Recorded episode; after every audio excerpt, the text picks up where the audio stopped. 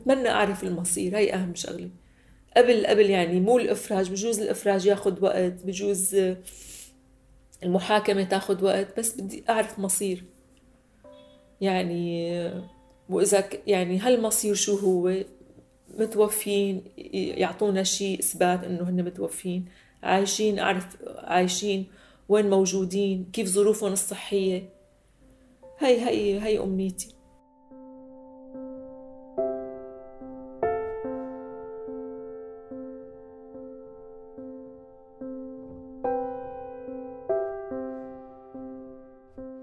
مرحبا معكم يارا صبري. بهي السلسلة من حلقات البودكاست رح نسمع من سوريات عم يعلوا صوتهم ليطالبوا بالحقيقة وبحقهم بالعدالة. رح يحكوا لنا عن مقربين إلهم انخطفوا أو اعتقلوا بسوريا. ورح يثبتوا لنا إنه البعيد عن العين قريب من القلب.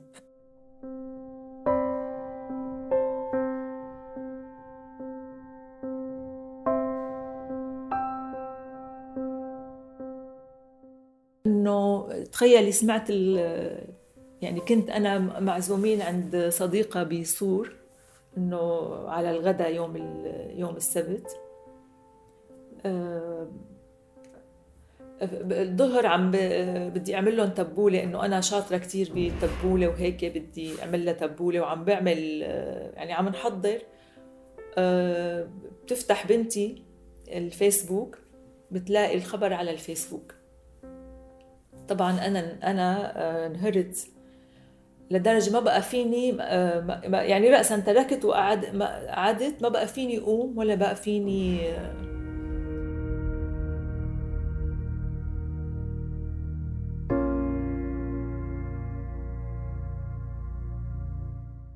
حلقتنا لليوم هي عن سيدة سورية حكايتها يمكن تشبه حكايات آلاف السوريين يلي فقدوا أثر أحبائهم بلحظة. ولحد الآن هن عاجزين عن الحصول على أي خبر مؤكد عنهم وعن مصيرهم. ضيفتنا اليوم بتفضل ما تذكر اسمها وتبقى هويتها محجوبة. والأمر له أسباب شرحت لنا إياها وقت عملنا مع اللقاء بشقتها الدافية بالعاصمة اللبنانية بيروت. هلأ آه، أنا يعني يعني كتير كتير يعني بيألمني هذا الشيء إنه أنا ما أعرف عن حالي لأنه هاي القضية بعتبرها هي قضيتي كل عمري.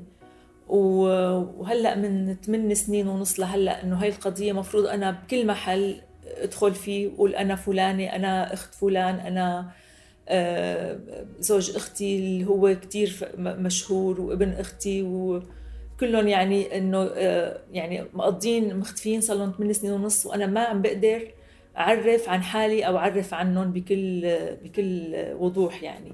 لأنه أنا خايفة لأنه آه، مع إنه هن معتقلين وأنا لي الحق إنه أحكي فيهم ما عم بقدر أحكي فيهم. لأنه أنا لسه أهلي بسوريا وأنا كمان آه، يعني مضطره أروح على سوريا. هذا الخوف الموجود عند فادية وعائلتها ما خوف جديد إنما هو خوف قديم بسبب جرح عمره عقود وعقود. عائلة فادية يلي كانت ساكنة بمدينة حما وسط سوريا عندها حكاية طويلة من الألم بسبب مواقفها السياسية من النظام الحاكم. أخوها الكبير اعتقل لمدة 15 سنة من عام 1982 ل 1997 بسبب انتسابه لأحد الأحزاب الشيوعية. هذا الجرح العميق عميق كتير. عاش معهم تفاصيل حياتهم ومعجون بذكرياتهم. ما فيهم يتذكروا الماضي بدون هذا الألم. هلا اعتقاله كان أثر كثير على العيلة بما إنه نحن عيلة كثير متكافلة وهيك كثير كثير أثر على العيلة ف يعني طبعا سلبيا أثر على العيلة إنه ما بقى في فرح بالعيلة ما بقى في ما بقى في أي مناسبة بتقدري تعملي يعني مثل تقريبا بابا منع الاحتفالات بالعيلة إنه أي مثلا أنا تزوجت أختي تزوجت أختي الثانية تزوجت ممنوع ما في حفلات. تتزوجي كأنه يعني عبارة عن عقد بالمحكمة وبتروحي على بيت جوزك. بس أي منا أي حفل أو مثلا عيد ميلاد أو شيء ممنوع. ليطلع الأخ الكبير من السجن. إنه هذا هي هي الفرحة بس. يعني آه هذا هذا يعني هيك كان حياتنا بالصغر. بنفس الفترة تعرضت فادية وأحد أخواتها كمان لتجارب اعتقال متفاوتة المدة وبرأيها السبب الأساسي هو رغبة النظام الحاكم بالقضاء على أي حركة سياسية بسوريا. بس مع خروج أخوها الكبير من السجن عام 1997 بدأ وكأنه حياة العيلة عم ترجع لشكلها الطبيعي مثل أي عائلة تانية. بعد ما خرج من المعتقل يعني بتعرفي كان كلياتنا كبرنا وتزوجنا وصار عندنا أولاد يعني كل واحد بلش يأسس عيلته وحياته المختلفة عن الثاني بس ضلت في عل... ضلت علاقاتنا كتير منيحة مع بعض. رغم الألم يلي عاشته العيلة بسبب المشاركة السياسية ورغم الاعتقال يلي اختبروا ضغوطاته كانت سنة 2011 لحظة خلقت جواتهم الحماس من أول وجديد. الحقيقة يعني كنا متحمسين بشكل رهيب وكنت وقت تطلع المظاهرة يعني يعني نحن ما شاركنا بشكل فعلي إنه نطلع على المظاهرة لأنه بسبب الخوف الفظيع وبسبب عمرنا يعني. إنه مثلا أنا ما فيني روح على مظاهرة ويجي الأمن يطلق النار وأرقد لأني بحس حالي صعب علي هذا هذا الشيء بس من أول يوم بالحراك ما بقى فيني فارق شاشة التلفزيون. يعني عبارة عن صارت هي هي الثورة تبعي يعني إنه بدي أسمع شو عم بيصير. كان الكل متحمس باستثناء الأب. الأب اللي كان عنده تخوف لأنه هو أكثر واحد بيعرف طبيعة النظام السوري وتركيبته. كان بابا يقول لنا إنه يعني ليش كل هالشي مبسوطين؟ يعني هذا النظام إنه هذا النظام رح بيطالع لكم عيونكم ولا بيسقط. يعني كثير كثير هذا النظام فظيع. يعني شفتي شو فترة الإخوان يعني أن أنهى شيء اسمه أحزاب سياسية بسوريا بفترة دمر مدينة تحمى بالكامل. وعلى فكرة أنا يعني كثير إلي من أقربائي من حما ولاد خالي وهيك كلهم ماتوا بفترة الأحداث. يعني اختفوا ماتوا ما عاد طلعوا ما عاد بين أثرهم يعني. بال... أكيد بالمجازر اللي اللي صارت يعني ما حدا عرف عنهم شيء إيه بس كنا كنت كتير متفائلة وكتير كنت متفاعلة وما كنت متوقعة إنه يصير هيك. الأحداث تسارعت بسوريا وحلب صارت منطقة ساخنة. بمنتصف عام 2012 تركت فادية حلب مع زوجها وابنها واتجهوا لبيروت. بعد ثلاثة أيام ببيتهم الجديد بالعاصمة اللبنانية بيوصلهم الخبر. أخو فادية وزوج أختها وابن أختها انخطفوا. هن اختطفوا ثلاثتهم بنفس اللحظة ومعهم شاب رابع حتى. يعني بأختي عايشة بدمشق هي آه، وعيلتها وأخوي هو ورفيقه ساكنين بالطابق اللي فوقهم بنفس مثل مثل هيك بيت صغير يعني. المهم اجوا الأمن آه، على ما يبدو يعني جايين بالاسم على الأشخاص. إيه، اجوا أخذوهم كلهم. فادية ما كانت موجودة لحظة الخطف بس لملمت تفاصيله من الجيران تحكي فادية شو صار بس ما بتحكي لنا ايمت لأنه التاريخ ممكن يوشي مين هي ومين فقدت. يلي صار ما شافته. بس لما بتنقله صوتها بيرجف ونظراتها بتضيع. باعتقال كان إجوا الساعة وحدة بالليل آه، هن آه، أختي وجوزها وهيك نوعهم بيسهر كتير وهيك يعني ما بقول لك بيشربوا أرجيلة وبيقعدوا بيسهروا وبيحكوا وبيشربوا قهوة يعني هيك هيك نوعهم بالليل يعني إنه بيعيشوا حياة بالليل. المهم سهرانين. وطبيعتهم أصلا هي أختي وأخوي. طبعهم مختلف شوي عنا إنه بيمزحوا كتير وبيضحكوا وبيعلقوا. مثلا أي شخص بيدخل بيحكي يعني إنه في هيك في جو من المرح كتير عندهم. لذلك وقت تروحي لعندهم بنجتمع بيكونوا هن اعمده السهرة بالهيك بالفرح وبالبسط المهم إجوا الساعة واحدة بالليل الامن يعني دق الباب فتح ابن أختي. فورا أخذوه. يعني فتح الباب مباشرة هالشخص استلموه وحطوه بالسيارة.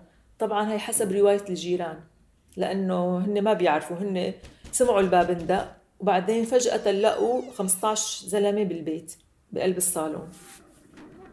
15 زلمة مسلح طبعا وهيك عضلات مفتولة وتاتو وهيك شيء على على جسمهم.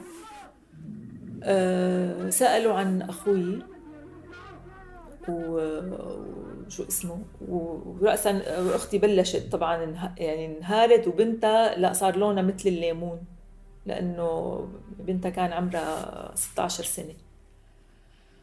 المهم لا ما في شيء ما في شيء بدنا فلان الفلاني وبدنا سموهم بالأسماء. شوفي شوفي قال ما في شيء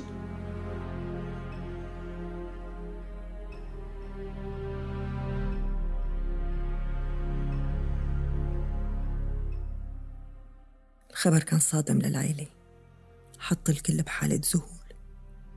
الماضي عم ينعاد وجروح سنوات الاعتقال. يبدو عم تتفتح. كثير كثير الحقيقة انصدمت بالخبر لأنه نحن كنا من بداية الثورة آه، مقررين إنه يعني بتعرفي شباب بدهم يطلعوا مظاهرة يعني خاصة أخوي وابن أختي.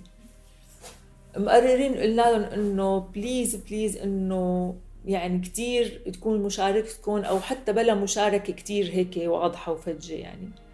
لأنه يعني نحن عائلتنا دفعت 15 سنة سجن لأخوي الكبير. ومو بس هو دفع الثمن دفعنا كلياتنا ثمن مثل ما قلت لك إنه نحن توقف كل يعني تقريبا توقفت حياتنا الفرح بحياتنا 15 سنة. ما بدنا نرجع نعيد هاي التجربة. وطول مو عايشين بابا وماما. خليهم هيك ينبسطوا بحياتهم هال هالفترة الباقية من حياتهم.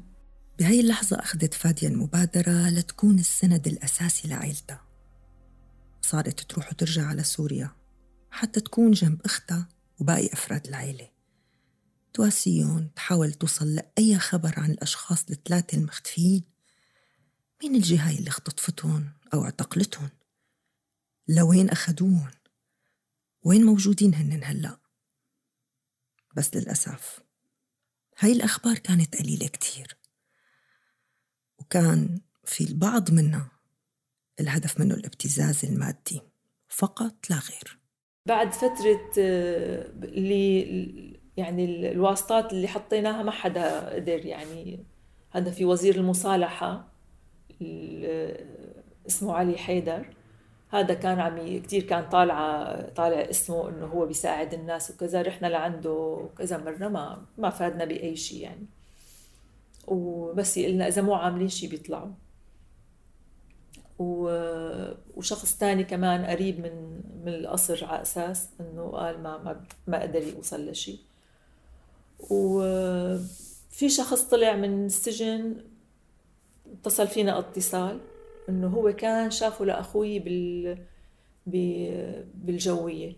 بس شاف أخوي ما شاف جوز أختي وابن أختي. وحاولنا كثير نلتقي معه. قال هو أمه ما بتخليه يشوف حدا إنه كثير خايفة. هذه هي المعلومة الوحيدة؟ يعني نحن قلنا إنه منين بده يجيب التليفون رقم التليفون؟ آه، يعني إنه قلنا ممكن يكون صح. هذا هذا الخبر الوحيد اللي بعد عشرة أيام من الاعتقال. أيضا تسريب صور المعتقلين يلي توفوا تحت التعذيب بأقبية السجون السورية ويلي انعرفت باسم صور قيصر. وساعدت كتار يعرفوا اللي صار مع أحبائهم. ما غير شيء من مصير العيلة وأفراد المختفين. آه، صور قيصر أنا راسلت الرابط آه، صور قيصر. راسلتهم وعطيتهم التفاصيل واعتقال والأسماء وصورهم.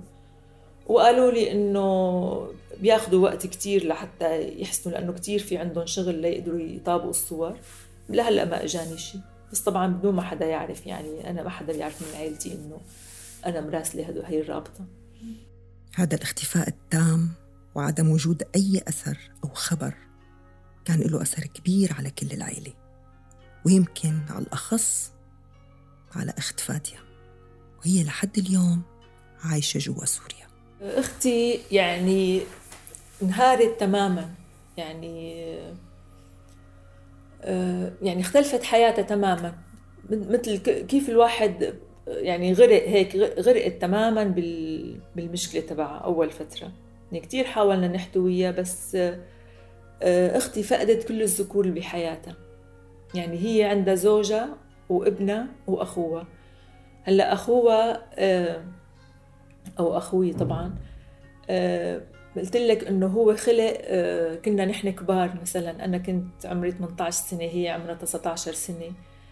آه، تقريبا نحن ربينا يعني إنه وقت تكون مثلا صبية هيك بهالعمر وبيجي بيجيكي أخ صغير يعني نحن تقريبا ربينا. هي كتير محتويته وهو يعني إنه بده رأيها مثلا بده يخطب بده رأيها بده كذا بده يشتري اغراض لبيته بياخذ رأيها. فجأة إنه ما عم أقول لك فقدت كل هدول الثلاث ذكور بالبيت اللي هن تقريبا هي هن محور الحياة تبعها.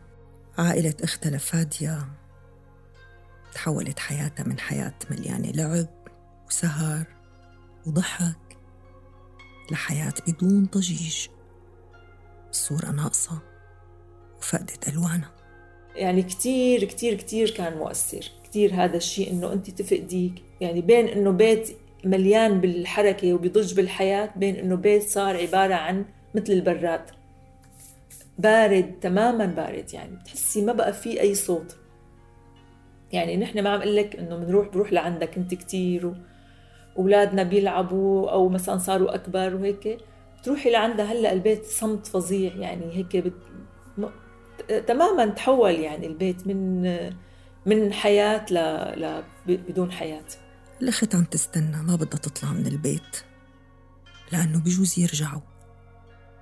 ما بدها تترك سوريا. لأنه بجوز يرجعوا وما بدها تشوف صور قيصر لأنه ما بدها تلاقيهم هنيك. عم تربي الأمل ببيتها. وما بدها حدا يقتله. آه، أختي لا أبدا ما تفرجت ولا بدها تعرف. هي من... الارجيومنت تبعها إنه ما بدها تعرف ابدا شيء هي بدها تضل عايشة ب... بأمل إنه هن عايشين. لا بتسأل بالنفوس ولا بتسأل بأي شيء ضلت بنفس البيت وبترفض تطلع منه وكتير حاولنا إنه تطلع تهاجر يعني مشان بنتها مستقبل بنتها اللي هو ما بينعاش بسوريا. وكتير حاولنا نضغط ما قبلت ابدا. إنه ما بتغير ما بتطلع من هالبيت لأنه هي معتقدة إنه رح يطلعوا ولازم يرجعوا على هالبيت.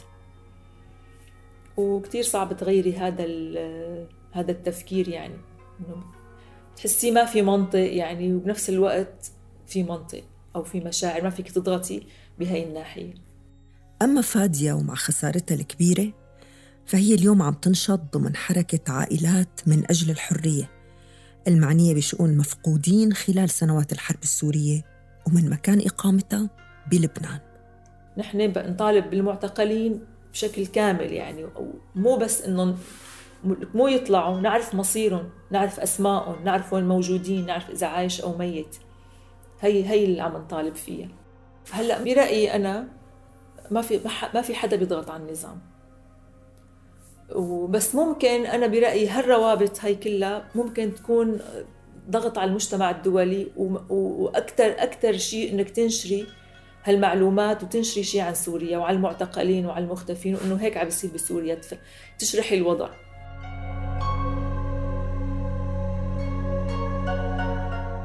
الأمل كلمة حلوة كتير بس التمسك فيه ما سهل. أحيانا منربي الأمل منلاقيه عم يصغر. منكبر الأمل منلاقيه عم يموت بين إيدينا. بس أحيانا كتير بيكون ما غيره. أحيانا كتير منكون محكومين بالأمل. سنة ورا سنة عم نقول إنه إنه هلأ بيطلعوا هلأ بيطلعوا. يعني ما في غير هالسنتين الأخيرات بحس إنه يمكن إنه ما عاد مو ما عاد عندي أمل يعني إنه إنه أكيد صارت قضيتهم ما بقى قضية آه، إنه معتقل كذا صار قضية بيلعبوا فيها هي ورقة ضغط للنظام ماسكها ما بيتخلى عنها ابدا. لذلك حسب شو بتصير شو اللعبة السياسية أو شو الحل السياسي هو مرتبط فيه.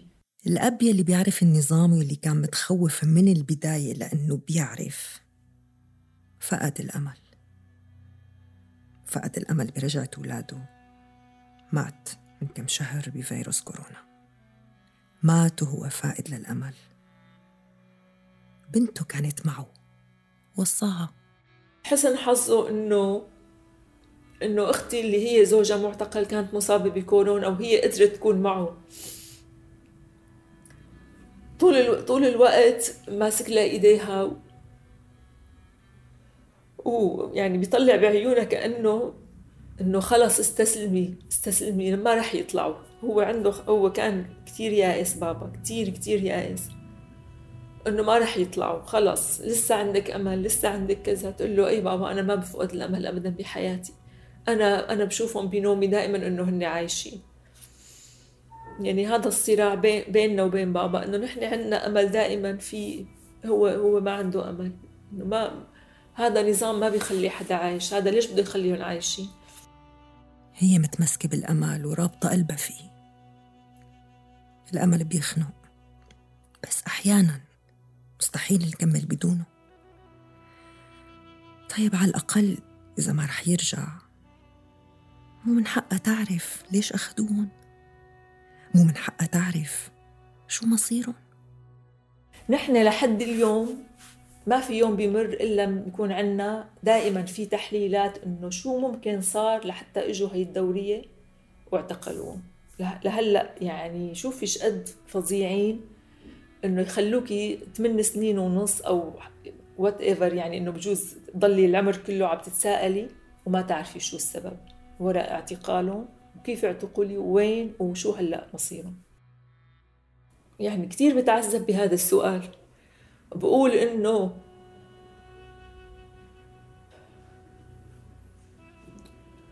إنه يا ترى لو عايشين وعم بيتعذبوا أحسن ولا لو مثلا ميتين وارتاحوا من هالعذاب؟ لأنه بعرف إنه إنه نظام فظيع يعني مستحيل تكوني يعني ما بيوفر ولا لحظة إلا بيعذب الشخص فيها. يعني غير إنه مو بس ضرب لأنه بيعذبهم يعني تخيلي كل يوم لأنه بي لأنه الجوع بعرف إنه في عنده بيستعمل الجوع. كل يوم والله يعني ما عن جد وقت اللي بفضي الأكل وقت اللي بدي أجلي مو بيكون مثلا في بقايا أكل على الصحون. وقت هيك مستحيل ما في نهار. لا يعني ابني بيخلي مثلا كم حبة رز أو شيء دائما أنا بنظفهم وهيك. بقول إنه هل هل اللي عم كبهم هدول؟ هدول بالسجن بيتقاتلوا عليهم. الانتظار صعب كتير. مثل الشمعة يلي عم تدوب على البطيء. بس الأصعب هو الانتظار يلي ما له نهاية يلي مو معروف إمتى بيخلص. هلأ أمنيتي كانت إنه نعرف مصير أي حدا منهم وبابا وماما عايشين. للأسف يعني ما زبطت هالأمنية. أمنيتي إنه نعرف أي شيء عنهم يعني. يعني حتى أنا بتمنى إنه أعرف حتى لو في شيء إنه لا سمح الله بس إنه أعرف يعني لأنه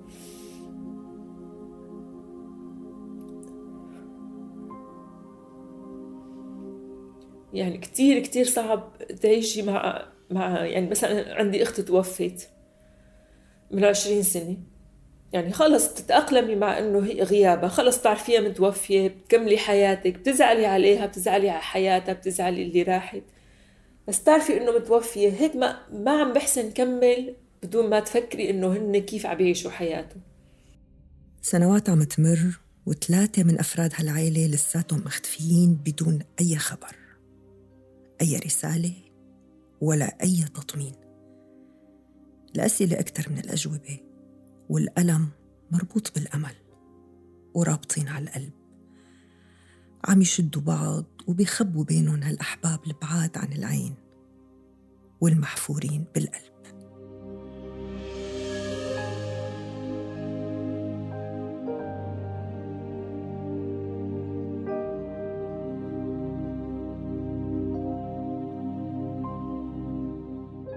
كنت معكم بالتقديم أنا يارا صبري. تابعونا على مختلف تطبيقات البودكاست وانتظروا قصص نساء جبارات ما رح يستسلموا لتتحقق العدالة. بودكاست بعيد عن العين من إنتاج صوت بالتعاون مع مؤسسة هنري شبيل مكتب بيروت.